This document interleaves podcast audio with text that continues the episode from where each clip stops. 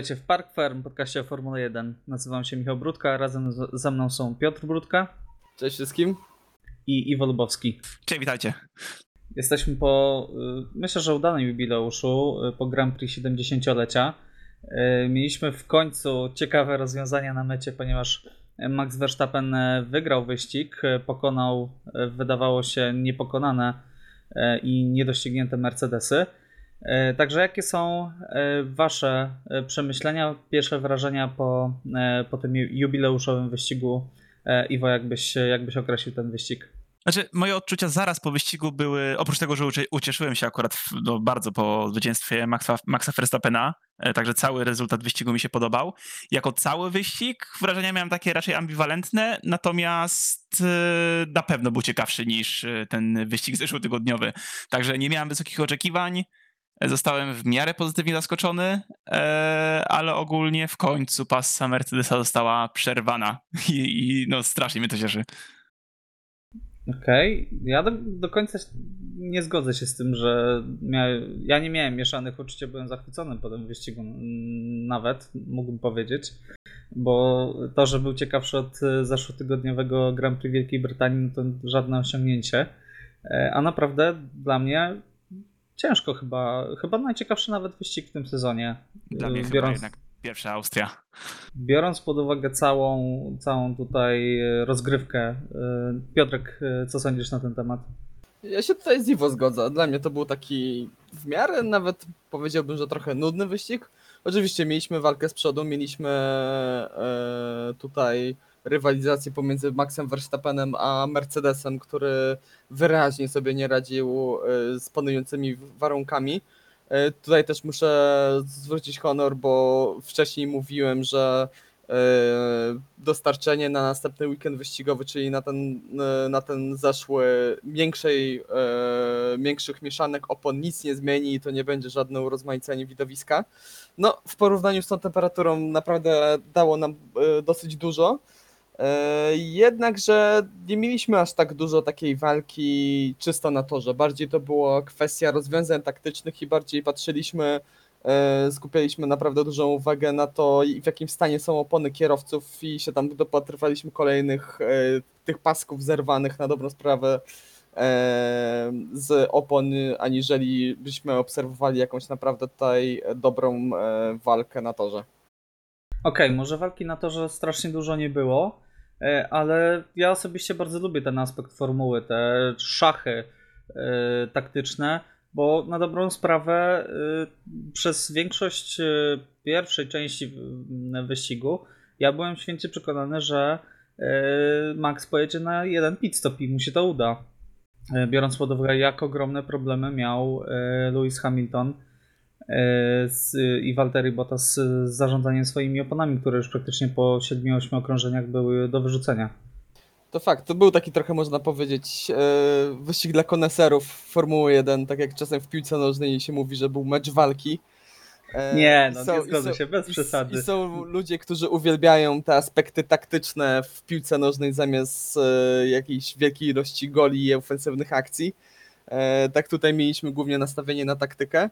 E, I ja też muszę przyznać, że w momencie, w którym Max Verstappen e, zignorował polecenia zespołowe e, w pierwszym jego stincie, żeby odpuścić, żeby nie gonić Mercedesów, ja myślałem, że w tym momencie tą decyzją Max Verstappen przegra ten wyścig, bo dodatkowo jego, opo- jego opony będą się nagrzewały i zużyje je w taki sposób, że nie uda mu się przeskoczyć nawet Louisa Hamiltona.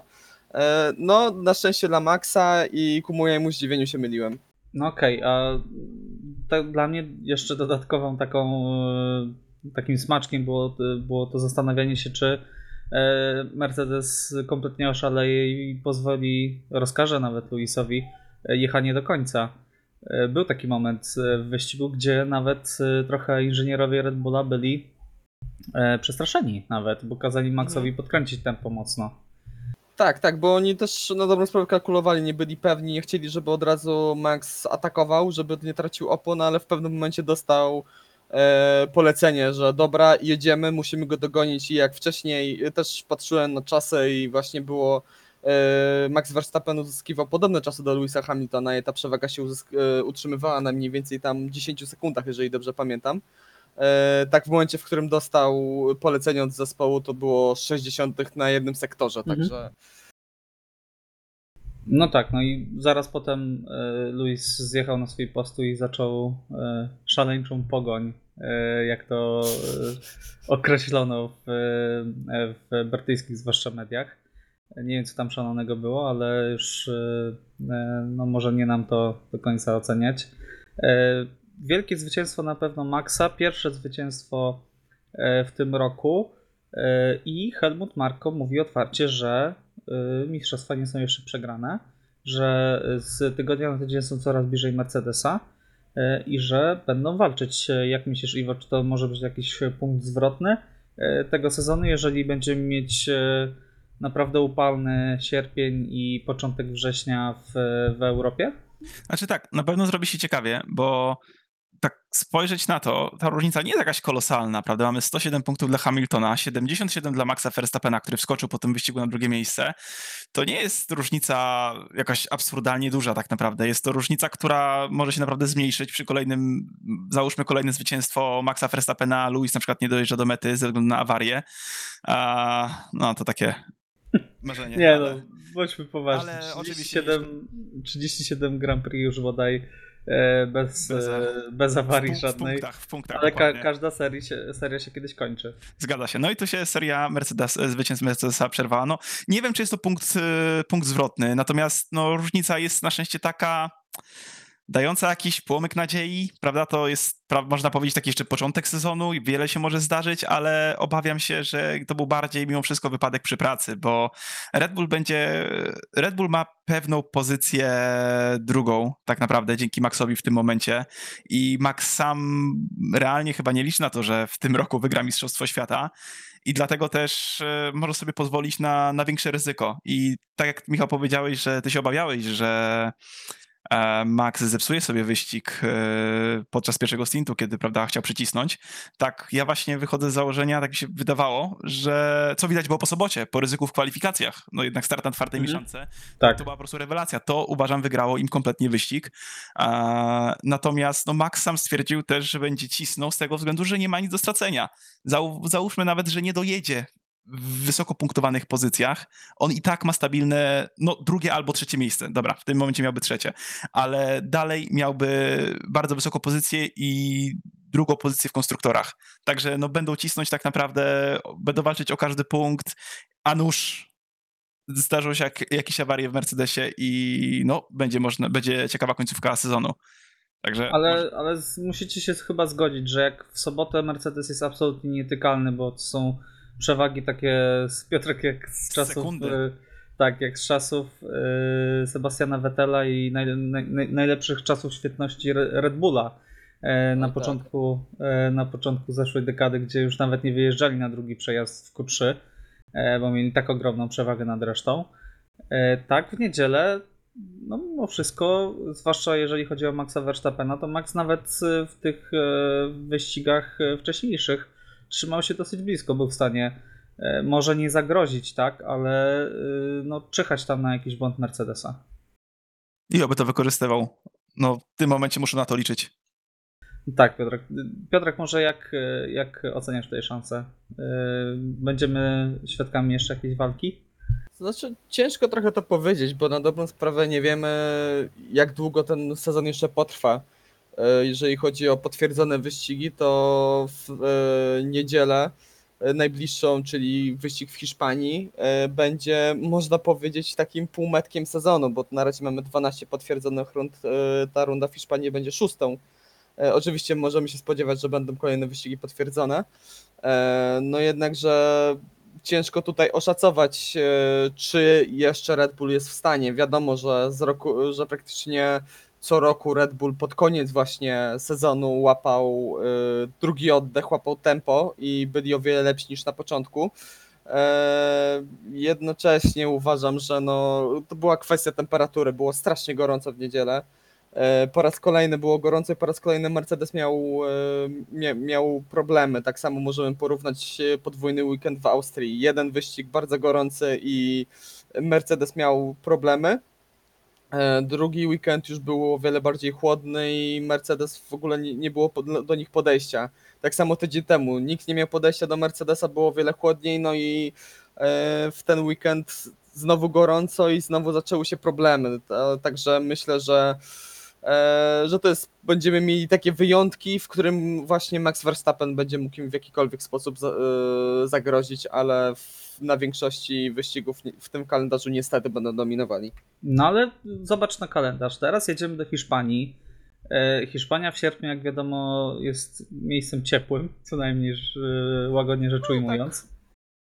E, tak. E, także możemy też liczyć na, e, na temperatury oscylujące właśnie e, z niedzielnego Grand Prix. Później mamy e, Spa, gdzie też zdarzały się naprawdę bardzo gorące weekendy. E, Następnie mamy dwa wyścigi e, w słonecznej Italii.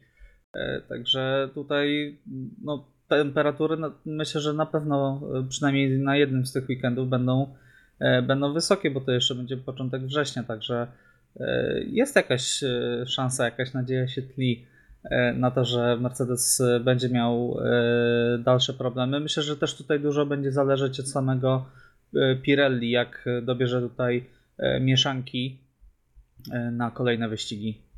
Dokładnie, to też jest kwestia opon, e, że mieliśmy tutaj mm, bardziej miękką, e, miękkie mieszanki niż byśmy mieli zazwyczaj, niż na przykład mieliśmy tydzień temu. E, Także no, weźmy pod uwagę, nikt praktycznie, chyba tylko Nico Hulkenberg założył miękką oponę w trakcie tego wyścigu. Tak, to też E, ewenement. Także, także to pokazuje, że to było takie trochę nad wyraz e, próba zrobienia lepszego show, koniec końców to wyszło, ale nie wiem, czy się ze mną zgodzicie, nie chciałbym czegoś takiego oglądać co weekend. No co? Nie, naprawdę, bo szczerze powiedziawszy, no tutaj Max nam się wyłapał, ale szczerze- wyłamał, ale szczerze powiedziawszy, myślę, że w przyszły, że większość, w dużej mierze kierowcy się skupiali na tym, żeby nie wyjechać w korku, żeby broń Boże nie być tuż za, za innym kierowcą, bo wtedy się przegrzewają opony i, i trzeba, i albo za chwilę będzie trzeba było zjechać na kolejny pit stop, albo trzeba odpuścić i, i gdzieś tam dwie sekundy za nim się utrzymywać. No, nie wiem, dla mnie to nie, nie jest najlepsze rozwiązanie. No to są mistrzostwa świata w utrzymywaniu y, odpowiedniego stanu ogumienia trochę, a mniej No. mistrzostwa świata w ściganiu się. No, do momentów jak przyszło Pirelli, to niestety tak to wygląda. No ale wiesz, jednak trochę emocji dzięki temu mamy, bo ja doskonale pamiętam te procesje z pancernymi Bridgesonami z przed 10 lat. Gdzie Sebastian Vettel zjechał praktycznie na ostatnim okrążeniu, tylko jadąc cały wyścig na miękkich oponach, tylko dlatego, że musiał zmienić na inną mieszankę. No, to też fakt. No, tylko że wtedy jeszcze jak mieliśmy mocne opony, to mieliśmy tankowanie i to też nam trochę rekompensowało to. Dobrze, y, przejdźmy dalej. Y, Zostawiamy srebrnego Mercedesa i zajmujemy się teraz różowym Mercedesem. Y, Myślę, że już można. Czarny, przepraszam. Y, No, srebrne strzały cały czas y, siedzą mi w głowie. Y, Dobrze, Nico Hulkenberg. W końcu udało mu się na ten przynajmniej jeden weekend pojechać w wyścigu. W sobotę zachwycił, bo trzecie miejsce w kwalifikacjach pokonując e, Lansa Strolla, który na co dzień e, przecież wypadał e, w tym sezonie lepiej od e, Sergio Pereza w kwalifikacjach. E, Natomiast w niedzielę e, dodatkowy pit stop w końcówce wyścigu, no tutaj e, zabrał szansę na e, miejsce e, czwarte lub piąte, szczerze powiedziawszy, dokładnie, dokładnie tutaj nie pamiętam jak wyglądała sytuacja Niko. Skończyło się na siódmym miejscu, 6 punktów dla zespołu. Jak ocenicie ten występ Nico Hulkenberga, też w kontekście tego, jak będą wyglądać jego szanse w 2021 roku na angaż e, w którymś zespole? Piotrek, e, jak tutaj sądzisz? No, Racing Point ma trochę problemów z tempem wyścigowym. Mają naprawdę bardzo dobre tempo kwalifikacyjne, ale e, później w wyścigu trochę tego nie dowożą. E, ja myślę, ja bym ocenił Nico Hulkenberga jak najbardziej na plus. E, to był jego na dobrą sprawę, pomijając wyścig, drugi weekend wyścigowy w tym samochodzie. I już zarówno w kwalifikacjach, jak i przez większość wyścigu utrzymywał się przed swoim zespołowym kolegą, a wiadomo zawsze porównuje się kierowców właśnie do tego kierowcy, który jeździ w tak samo pomalowanym bolidzie. E, także myślę, że na, najbardziej jak na plus i pokazuje, że, że jeżeli jest miejsce w stawce, nie wiem, dla Romana Grożana albo Kevina Magnusena, czy innych kierowców, którzy no, nie są wybitni, powiedziałbym, na, jak na standardy Formuły 1, to myślę, że na spokojnie powinno być miejsce dla Nico Hulkenberga, bo pokazuje, że naprawdę, może to nie jest materiał na mistrza, ale naprawdę powinien się znajdować w stawce, bo ma tempo. Może w Mercedesie? Sugerujesz, że Valtteri Bottas nie zasługuje na miejsce w Formule 1? Nie no, Nie. Lewis Hamilton jeszcze nie ma p- podpisanego kontraktu przecież. E, tak, zwłaszcza, że w obecnej sytuacji, kiedy ludzie tracą pracę, no nie wypada rozmawiać o kontraktach, jego zdaniem. Naprawdę, tak powiedział? Tak, Dokładnie. Może prześpi deadline, cóż. tak, e, Luis dokładnie tak powiedział, że absolutnie nie wypada rozmawiać e, w, w czasach tutaj, kiedy ludzie tracą pracę. Nie wiem, kiedy nie ma czasów, kiedy ludzie tracą pracę. E, nie wypada rozmawiać o kontraktach i zawiesił rozmowę z Mercedesem na razie. E, kontrakt mu się kończy z końcem tego roku, tak? Tak. No to nie wiem, czy sytuacja ekonomiczna na świecie się polepszy do grudnia. To, to by było największe zaskoczenie.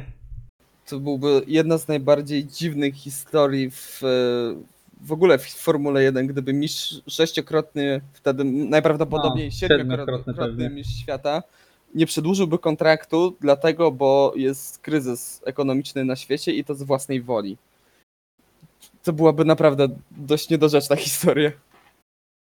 No ale z drugiej strony jakoś nie przeszkadza mu to y, domagać się 40-milionowego kontraktu. E, ale to już y, może Mniejsza o to. zostawmy, skupmy się na wyścigach. Iwo, jak oceniasz Nico Hulkenberga? Nie będę oryginalny? Pozytywnie. Znaczy, przede wszystkim sobota była takim zaskoczeniem, taki przedsmak podium dla wszystkich, prawda, dla, dla całego internetu. Natomiast no, realia są jakie są. Nie, nie wyobrażałem sobie, żeby Niko skończył na przykład przed Maxem na podium, chyba, że faktycznie miałaby być powtórka z y, pierwszej Austrii. A, natomiast jest w porządku. Wyścig y, jak najbardziej na plus. Obawiałem się, że będzie miał problem z utrzymaniem tempa w trakcie tych 52 okrążeń. Właśnie przede wszystkim przez no, mniejsze przygotowanie fizyczne niż inni, niż Mhm. inni kierowcy.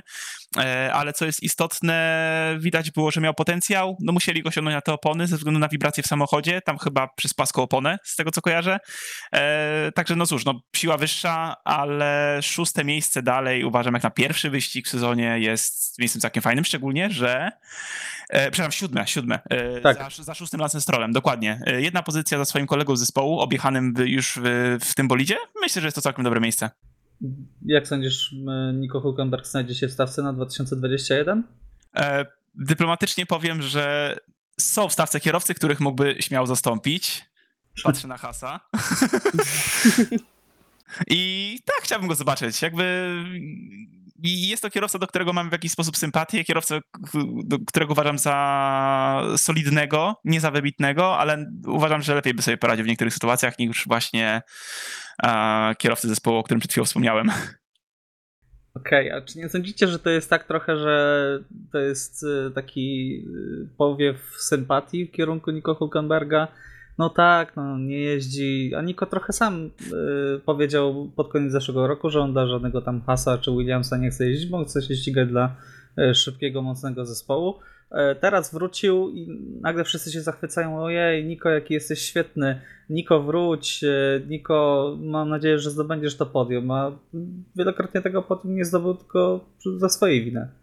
No tak, no to się zgadza, ale dalej uważam, że w zespole są, jeżeli mamy mówić o kierowcach typowo Formuły 1 w tym momencie, tych co są teraz, tych co byli jeszcze całkiem niedawno, no Niko jest tak naprawdę chyba jednym z takich ciekawszych pretendentów, żeby objąć z którejś z, z foteli. Mówiłem o kierowcach Formuły 1, bo w Formule 2 szykuje się naprawdę kilku przynajmniej ciekawych pretendentów do, do fotela.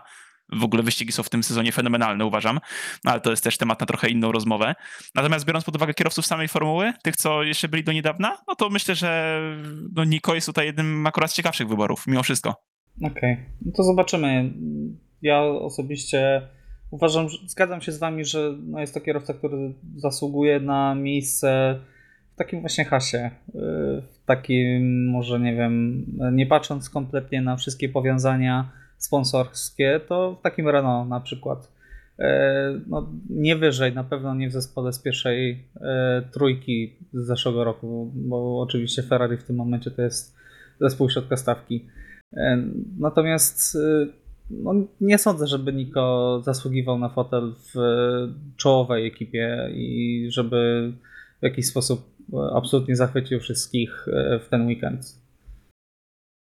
Także był zobaczymy. Taki, taki mocno solidny, znaczy pomijając kwalifikacje oczywiście, to ten Mhm. występ w, w niedzielnym wyścigu był taki mocno solidny. No oczywiście trochę nie wiadomo, że to była kwestia złego zarządzania oponami przez e, Nico Hulkenberga, czy to była kwestia po prostu niezależna od Nico, że musiał zjechać na ten e, pit stop tuż przed Znaczy, wiesz co, przepraszam, że ci przerwę. Yy, Na stronie Powrót Alberta były stenogramy rozmów yy, z inżynierem i tam była jasna informacja, że na początku stintu kazali mu przycisnąć mocno. E, no to... I najwidoczniej inżynier e, trochę przesadził e, tutaj po stronie zespołu, e, bo kilka okrążeń przed końcem zgłaszał niepokojące wibracje i woleli nie ryzykować, na wszelki wypadek go e, zdjęli na ten stop dodatkowe. No przez pryzmat e, wcześniejszego Grand Prix to w pełni zrozumiała decyzja. No ale mówię, fajerwerek nie było, naprawdę solidny, solidny e, występ. Okej, dobrze. To może przejdźmy do największej kontrowersji obecnej w Formule 1. E, O protestach Renault. E, Proteście Renault, który został rozpatrzony. Rozpatrzony pozytywnie, e, ale został w ta- w taki sposób rozpatrzony, że nikt nie jest zadowolony. Ani e, Racing Point, e, ani e, pozostałe zespoły, tutaj Ferrari, e, Williams, e, e, Renault oczywiście. E, Będzie najprawdopodobniej zgłoszona apelacja. E, Została zasądzona kara tutaj e, 15 punktów karnych i 400 tysięcy euro. Zostało przyznane, e, przyznana racja, że te, e, te kanały e, e, Ja zostały. tylko przerwę. Odjęcie Tak? 15 punktów z klasyfikacji. Tak, odjęcie 15 punktów z klasyfikacji. E, Natomiast no, tutaj takim kluczowym punktem jest to, że Racing Point może korzystać ze swojego bolidu, mimo że został określony jako nielegalny. Piotrek, tutaj może masz jakieś dodatkowe informacje, jakie jest Twoje zdanie na ten temat i czy sądzisz, że rozpęta się tutaj no, ogromna wojna i będą jeszcze większe kontrowersje? Znaczy, e, z jednej strony rozumiem decyzję sędziów, e, że nadal mogą, mogli pojechać w tym weekendzie i najprawdopodobniej pewnie pojadą w następnym weekendzie z tym bolidem. E, Bo no, w jaki sposób, jak dostali informację na dobrą sprawę w czwartek czy w piątek, w czwartek to była, była ta informacja, w jaki sposób w jedną dobę mieliby e, zaprojektować i wyprodukować nowe, e, nowe kanały chłodzące dla hamulców do swojego bolidu. To jest niewykonalne. Bywa, bywały takie historie w przeszłości, że e, jakaś część w którymś z zespołów była uznawana za nielegalną, po czym FIA się zgadzało, że na jedno czy dwa Grand Prix oni będą mogli z nią jechać, no bo nie są w stanie, nie mają takiej mocy przerobowej, e, żeby wyprodukować i zapro- zaprojektować nową. E, Także tą decyzję rozumiem. Ja nie rozumiem do końca i dla mnie jest e, zbyt pobłażliwa ta kara, bo jak dla mnie 15 punktów i taka kara finansowa, biorąc pod uwagę, że to jest no, dosyć mocne przewinienie, jest mocno zbyt pobłażliwa. E, chociaż z drugiej strony, jak sobie przypominamy zeszłoroczną aferę z, z Renault i z hamulcami, z systemem pomagającym Mhm. e, kierowcom właśnie wtedy, e, to też jesteśmy w stanie zrozumieć tą karę. A tak podsumowując, to wydaje mi się, że będzie teraz będzie dużo kontrowersji z weekendu na weekend, bo samo Renault od razu powiedziało, że jeżeli to, e, to, e, to zaskarżenie zostanie rozpatrzone po, pozytywnie, a zostało, to będą kolejne rzeczy zgłaszali i będą kolejne protesty wnosili, także będziemy może być tak, że co weekend będziemy słyszeli, że kolejna część, kolejna część, kolejna część została zaskarżona, czy to przez Renault, czy przez e, inne zespoły, bo jak na początku Renault można było się wydawać, że było trochę e, takie samotne, że samo wypowiedziało tą wojnę z Racing Point, tak teraz już na dobrą sprawę prawie cała stawka się do nich dołączyła. No właśnie, to było trochę zaskakujące, bo protest złożyło Renault, a do apelacji wyrwało się Ferrari od razu. Tak, to, to mnie strasznie rozbawiło. E, A jeszcze w, e, z drugiej strony, e, co można tro, trochę na wytłumaczenie Racing Point, chociaż oni się tym tłumaczą, bo rzeczy się ro, rozchodzi o to, że oni kupili rok temu tą część od Mercedesa, a po tym jak zakupili tą część, e, FIA zaczęło wymagać, że, że właśnie te kanały chłodzące muszą być zaprojektowane przez każdego konstruktora samodzielnie. E, I oni mimo wszystko korzystali z tych kupionych wcześniej od Mercedesa, także e, z jednej strony można to rozpatrywać jako, jako kryterium takie łagodzące, chociaż dla mnie to nie jest, nie jest żadna wymówka. Dobrze, może Iwo dopuścimy do głosu. E, Iwo, jakie jest twoje zdanie? Znaczy, no, sytuacja jest strasznie, strasznie beznadziejna dla obu stron, bo wiadomo, że Racing Point y, nie może się zgodzić y, z karą, mimo że jest ona faktycznie no, niska, pobażliwa, możemy to nazwać w różny sposób, bo jednak dzięki swojemu bolidowi jako całości no, zyskają nieco więcej niż y, stracą No. przy tych 400 tysiącach ka- dolarów kary. W ten, w ten weekend zyskali 14 punktów. No, dokładnie, dokładnie. Także na pewno zyskają więcej. E, To się po prostu teraz, y, jakby cała ta akcja z Racing Pointem, to tak naprawdę jest y, no, preludium do zmian, które tak naprawdę znajdą się dopiero w regulaminie i dopiero pewnie od przyszłego, czy od 2000, no 2022 to już wiadomo, kompletny reset, ale dopiero tak naprawdę w, w kolejnych latach y, zobaczymy, jakim echem się to odbije i faktycznie jakie różnice w stawce powstaną e, przez, e, przez taką konieczność projektowania e, tego typu części.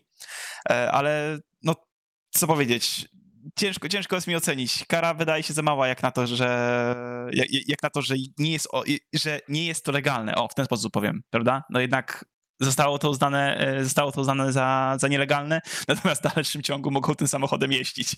No właśnie, no, jest- okej, to jest skopiowany samochód, przynajmniej ta jedna część jest skopiowana, ale możecie nim jeździć dalej. Najlepsze jest to, najlepsze jest to, że Toto przyznał, że w zeszłym roku jeden z zespołów e, był w ich fabryce i skanował 3D e, bolid W10, czyli z 2017 roku. Nie powiedział jaki to zespół, ale powiedział, że łatwo się domyśleć. Także Ciekawe, o chodzi. Tak, dokładnie. Williams? Nie, wysz, nie, nie, nie, wyszło. Tak, George robił skany 3D i później do prezentacji w PowerPoincie wrzucał. Pokazywał me, inżynierom i mechanikom, jak ma wyglądać bolid, e, który coś wygrywa. E, Ale tak mówiąc na serio, e, no jest, to, jest to sprawa, do której już oczywiście nawet Toto się wmieszał i chce być mediatorem. Na pewno będzie bardzo obiektywny w tej sprawie. Natomiast, y, jak sam powiedział, nie chce, żeby e, przeciągnęła się sprawa do Międzynarodowego Trybunału Apel- Apelacyjnego FIA, e, ponieważ e, wtedy będzie trwać, jak to, to, to sam powiedział, ta sprawa będzie ściągnąć miesiącami i wejdą tutaj już prawnicy, którzy są bardzo uparci z jednej i z drugiej strony. E, No i może to bardzo mocno zaszkodzić samej Formule 1. Jednocześnie pojawiły się plotki, że FIA już szykuje przepisy, żeby e, takiego kopiowania e, w przyszłości nie było. Co też jest jakimś kosmosem dla mnie, bo w jaki sposób uregulować to, że nie skopiujesz części innego zespołu, gdzie jest to no, na dobrą sprawę nieodłączną częścią rywalizacji w Formule 1, tak? Jeden zespół podpatrzy jakieś rozwiązanie u drugiego i e, wdraża to, to u siebie. No, jestem ciekaw, jak to, jak to dalej e, pójdzie. No, jest to na pewno e, gorący temat, który, o którym na pewno będziemy słyszeć w najbliższych tygodniach. Nie wiem, czy macie coś tutaj jeszcze do dodania. Jeszcze, jeżeli mogę jeszcze wtrącić, e, mnie trochę niepokoi to, że takimi karami, które bądź co bądź są łagodne naprawdę, że FIA zaczyna e, tworzyć taki niebezpieczny precedens, taki, że możemy wykraczać poza e, regulamin e, Mhm. techniczny, że możemy naginać ten regulamin techniczny, a nawet jeżeli wpadniemy, no to dostaniemy tam jakąś symboliczną karę, bo inaczej to się zawiniemy i odejdziemy z Formuły 1, a Formuła 1 sobie nie może pozwolić, żeby stracić kolejne zespoły. Mamy przykład Renault, mamy przykład Ferrari, który poszedł na umowę. Tak. E, A i co na do, czym na dobrą sprawę e, potwierdzili to, że oszukiwali przez cały zeszły sezon, jeżeli chodzi o silniki. E, No i co teraz widać w osiągach w tym co roku. widać dokładnie w osiągach. I teraz mamy Racing Point. No, mamy już trzy zespoły z dziesięciu, a to są jest ostatnie półtora roku naprawdę. To naprawdę się zaczyna robić niezbyt, niezbyt dobrze to zaczyna wyglądać dla całego sportu. E, Jeszcze można dodać tutaj kilka słów o Concord Agreement, które też wygasa i też są bardzo e, gorące dyskusje. Toto powiedział, że w, no, w tym wyglądzie tego, tej nowej, tego nowego porozumienia e, on tego nie podpisze, bo Mercedes po prostu za, za dużo traci na tym. Jego zdaniem oczywiście, ponieważ Ferrari e, no, jego zdaniem e, będzie miało tak samo mocną pozycję jak teraz. E, Red Bull e, jakoś odbije sobie to na Alfa Tauri, a Mercedes, e, Mercedes straci najwięcej. Także tutaj tych rozgrywek zakulisowych, które muszą się e, tutaj rozgrywać, e, no nawet w tym momencie mogą być prowadzone jakieś rozmowy, bo z tego co czytałem, to ten Con- Concord Agreement musi być podpisany do jutra. E, tak. E, I, i no, zakulisowe walki są nieodłączną częścią Formuły 1 i jestem ciekaw, jak to, jak to się wszystko rozwinie, e, bo jednak e, ta długoletnia już hegemonia Mercedesa też może się w jakiś sposób FIA nie podobać, co, co mieliśmy już przykład, jak w 2005 roku załatwiono Ferrari, żeby już nie wygrywali. Także zobaczymy, jak tutaj siły zostaną ulokowane, że tak powiem. E, Natomiast jeżeli już wspomniałeś Piotrek o Ferrari, to może e, porozmawiamy trochę o, e, o sytuacji tego zespołu, ponieważ Sebastian Vettel no, w jakiś kosmiczny sposób odstaje od swojego zespołowego kolegi i ten rozwód jest bardzo gorzki, co widać po wszystkich praktycznie komunikatach radiowych, co widać też po, po wywiadach, tak, w jaki sposób no, tutaj zachowują się jedni i drudzy. E, Jak sądzisz, e, tutaj już pojawiają się pierwsze plotki, e, że bolidy są nierówne. Jak sądzisz, jak to wygląda z perspektywy Sebastiana Vettela? Czy Vettel jest tak słaby, czy, czy po prostu nie dostaje takiego sprzętu? Czy ja myślę, że z jednej strony Ferrari jest po prostu słabe w tym sezonie, a druga sprawa, że e, bolid jest pewnie już w całości e, budowany pod e, Charlesa Leclerca, bo jak widzimy Leclerc e, w sprzyjających mu okolicznościach jest w stanie dojechać na naprawdę dobrym miejscu. No, zdobył jedno podium. E, W właśnie e, przedwczoraj był na czwartym miejscu, także naprawdę jest w stanie pojechać dobry wyścig. No a Seb widać, że po prostu kompletnie się nie dogaduje z tym samochodem. Wiemy jak bardzo dużo, y, jak bardzo ważne jest to, y, w szczególności dla Sebastiana Vettela, bo jeżeli on ma samochód, który mu w pełni, y, w pełni do niego pasuje, to jest, to widzieliśmy to w Red Bullu, jest był w stanie zdominować przez 4 lata Formułę 1. E, A tutaj raz e, widać, że jest po prostu, że został opuszczony przez zespół, że po prostu wszyscy się od niego odwrócili. I jak szczerze powiedziawszy, kompletnie tego nie rozumiem, bo nie było tam jakiejś wielkiego zgrzytu. e, Nie było w zeszłym roku komunikatów radiowych w stylu Fernando Alonso, który e, w trakcie wyścigu no, praktycznie wyśmiewał zespół. E, Także ja kompletnie nie rozumiem, czemu Ferrari aż tak ostro i tak oschle na dobrą sprawę się zachowuje względem Sebastiana Vettela. Teraz to już, jako, e, to już wiadomo, że Vettel będzie się tym odgrywał i będzie robił to samo, no bo, no bo co innego mu zostało. Okej, Iwo, e, jakie jest twoje zdanie? Znaczy, widzimy jaki, jak- jaki toksyczny związek panuje po prostu między Ferrari a Vettelem. Na początku sezonu spodziewałem się, że nie będzie ciekawie, ale bardziej pod kątem rywalizacji między Charlesem a, a Sebem. No tutaj widzimy tak naprawdę jasno, że zespół po prostu się od niego odwrócił. I no to, tak jak powiedziałeś, Michał, nawet po komunikatach radiowych słychać już to jawne niezadowolenie. Wiadomo, że, że usłyszą to wszyscy.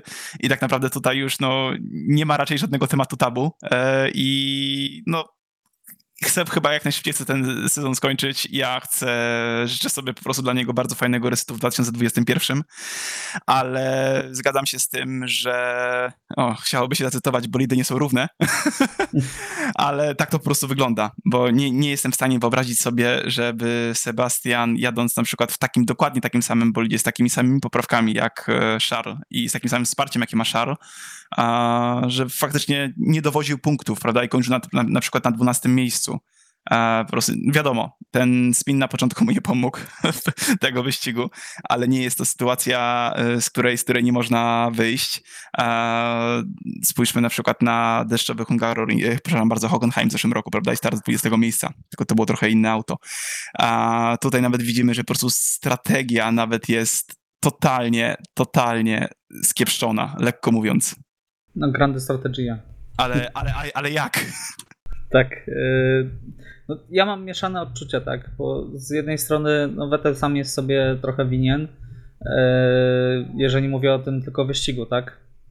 Natomiast no, w zeszłym sezonie, jeżeli był wolniejszy, a często był szybszy w kwalifikacjach Charla, to było to 0,2 sekundy najczęściej, 30 maksymalnie. A tutaj no, dokłada praktycznie w każdym przypadku e, no, po pół sekundy Charles e, e, Sebowi i nawet Nico Rosberg już powiedział, że nie jest to absolutnie normalna sytuacja i e, Sebastian tak wolny e, po prostu nie jest, także e, widać e, to nawet po e, komunikatach radiowych, o których już tutaj wspominaliśmy. Dla tych, którzy nie słyszeli, e, w ostatnich dwóch wyścigach e, Sebastian po prostu milczał. E, W pierwszym przypadku po Grand Prix Wielkiej Brytanii tutaj e, Mattia Binotto e, powiedział Sebowi, że a, no, no, to był trudny wyścig i tak dalej, i tak dalej, będziemy starać się zrobić, zrobimy wszystko, żeby było lepiej. E, Seb milczał, aż e, jego inżynier poprosił o sprawdzenie radia i dopiero wtedy się odezwał, że tak, tak, radio działa, no to był trudny wyścig.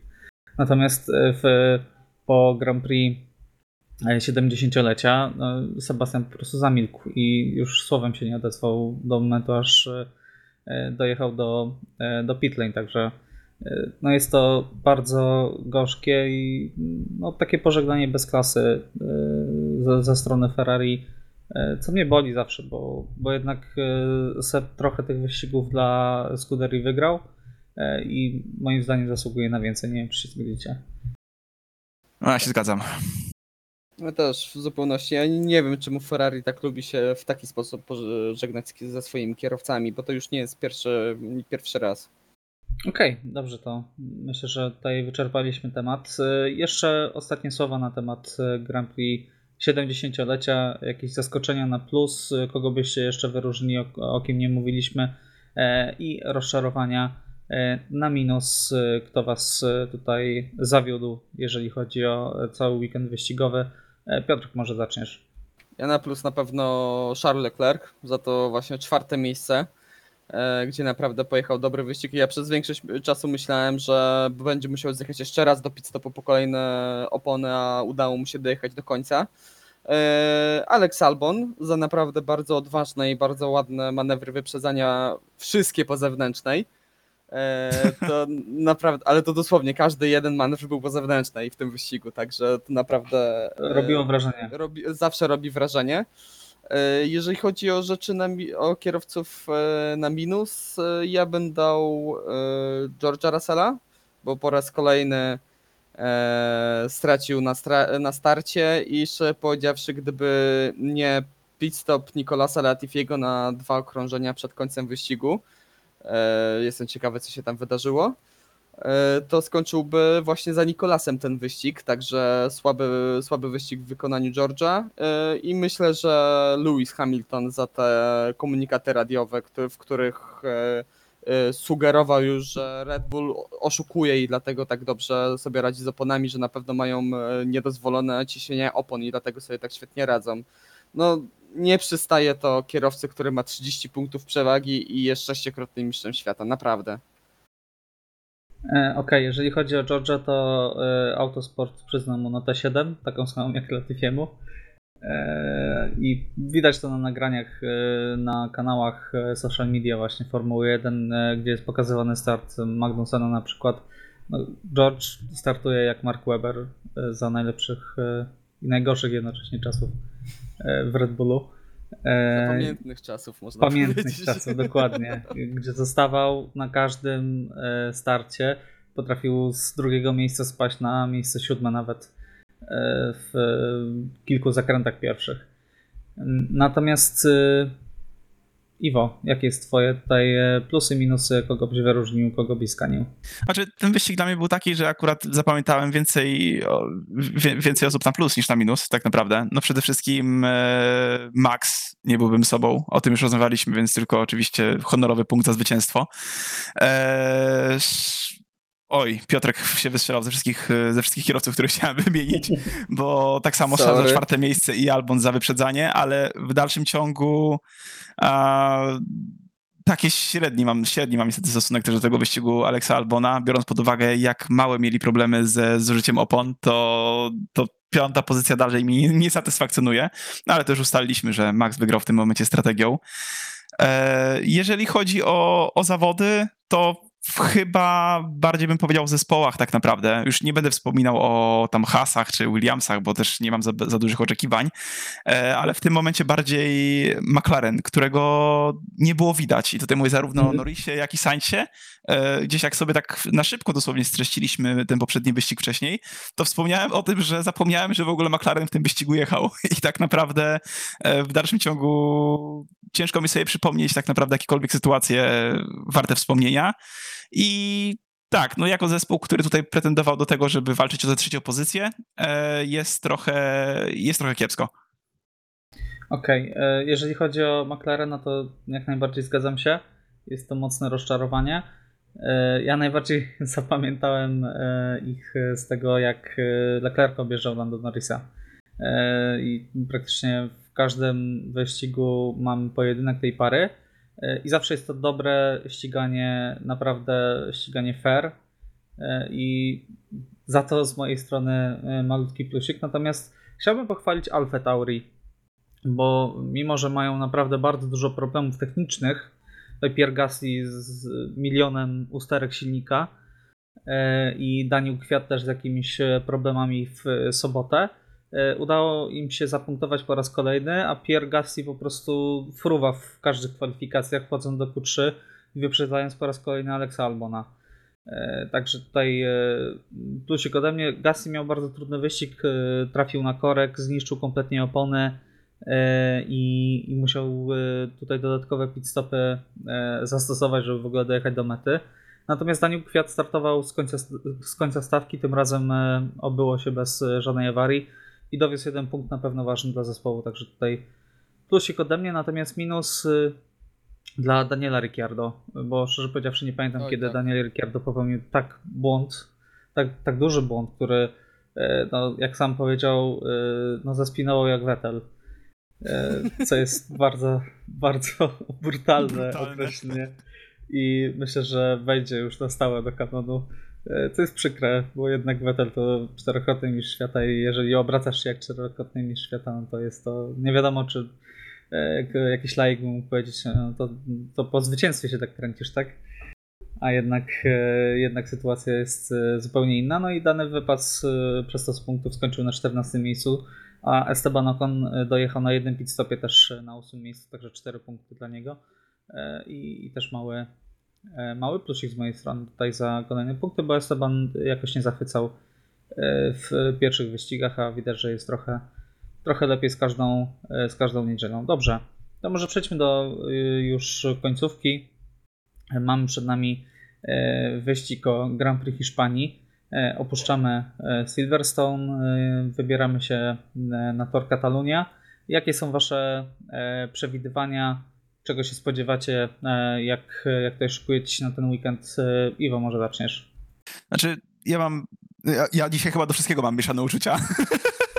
Ale jeżeli chodzi o Hiszpanię, no to e, boję się o, o to, że będzie to procesja, z tego względu, że ten tor nie słynie raczej zbyt dużej możliwości wyprzedzeń, prawda, zbyt dużej ilości miejsc do wyprzedzania, e, oprócz prostych DRS-owych, szczególnie jeżeli chodzi po prostu o prostą startową tak naprawdę głównie. E, I no zobaczymy, na pewno nie chcę mieć aż takich fajerwerków, jakie były w 2018 roku po zdarzeniu z Romanem Grużanem. E, Natomiast e, obawiam się, że znowu wyścig będzie zdominowany przez Mercedesa, chyba, że faktycznie będziemy mieli upały. I tutaj wiemy dobrze, że Max Verstappen lubi ten tor, ale to taka gdzieś tam nadzieja, zostawię ją dla siebie. Okej, e, Piotrek, jakie są twoje pierwsze takie przewidywania na ten weekend? Znaczy w kwalifikacjach na pewno Mercedes będzie górą i myślę, że są w stanie wygrać e, każdą jedną sesję kwalifikacyjną w tym sezonie. E, jednakże myślę, tak spojrzałem na szybko na prognozę pogody. Ja Oczywiście wiadomo, jak dokładne są prognozy pogody na tydzień praktycznie przed i to jeszcze na e, pogodzie od e, Google, ale pokazuje 31 stopni, także możliwe, że, e, że Mercedes w trakcie wyścigu znowu będzie miał problemy. E, Red Bull zawsze sobie dobrze radził na tym torze, także może, możemy mieć powtórkę. Miejmy nadzieję, że więcej będzie tej walki na torze, a mniej będzie zależało od, od samych opon.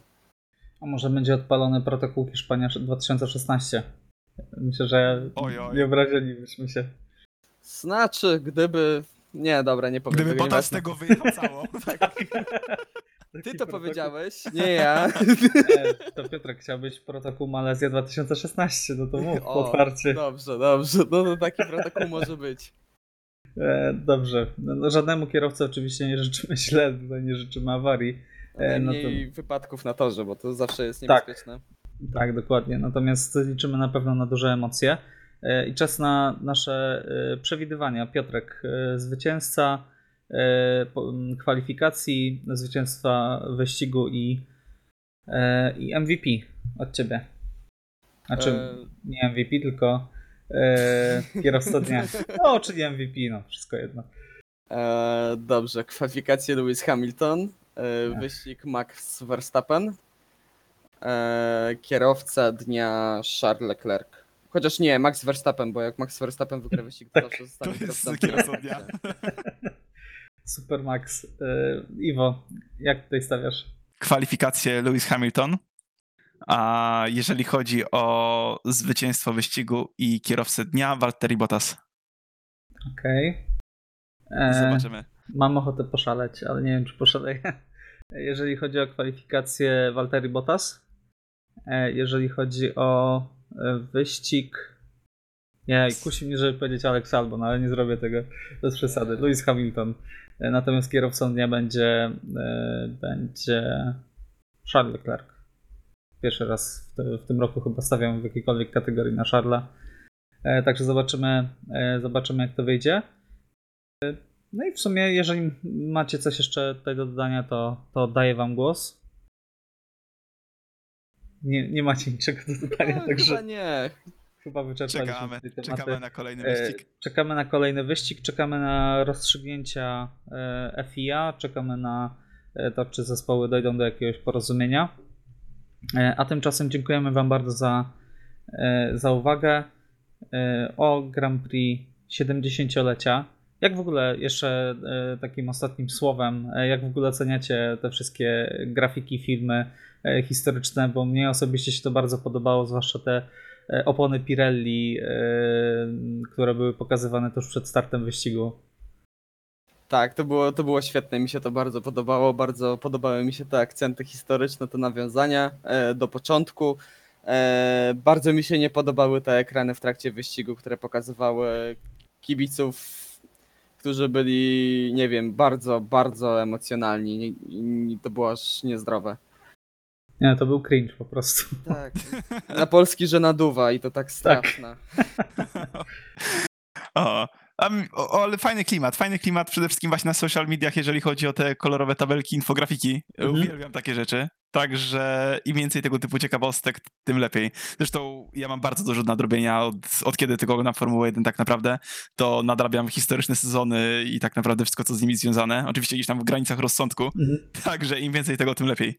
Y, Jeszcze dodatkowo redakcja Sky Sports się ubrała tak w stylu lat 50. Y, Już tam y, wzywano Ferrari, które będzie miał na Mugello swój tysięczny wyścig w Formule 1, żeby też, żeby tymczasem nie pomyśleli o jakichś starych strojach. Mercedes tam im przestrzegał, że to przynosi, złe, y, przynosi pecha, wspominając zeszłoroczne Niemcy. Dobrze, dziękujemy Wam bardzo za uwagę. Y, O Grand Prix 70-lecia rozmawiali Iwo Lubowski, Dzięki wielkie, do usłyszenia. Piotr Brudka Dziękuję bardzo. i Michał Brudka. Trzymajcie się, cześć.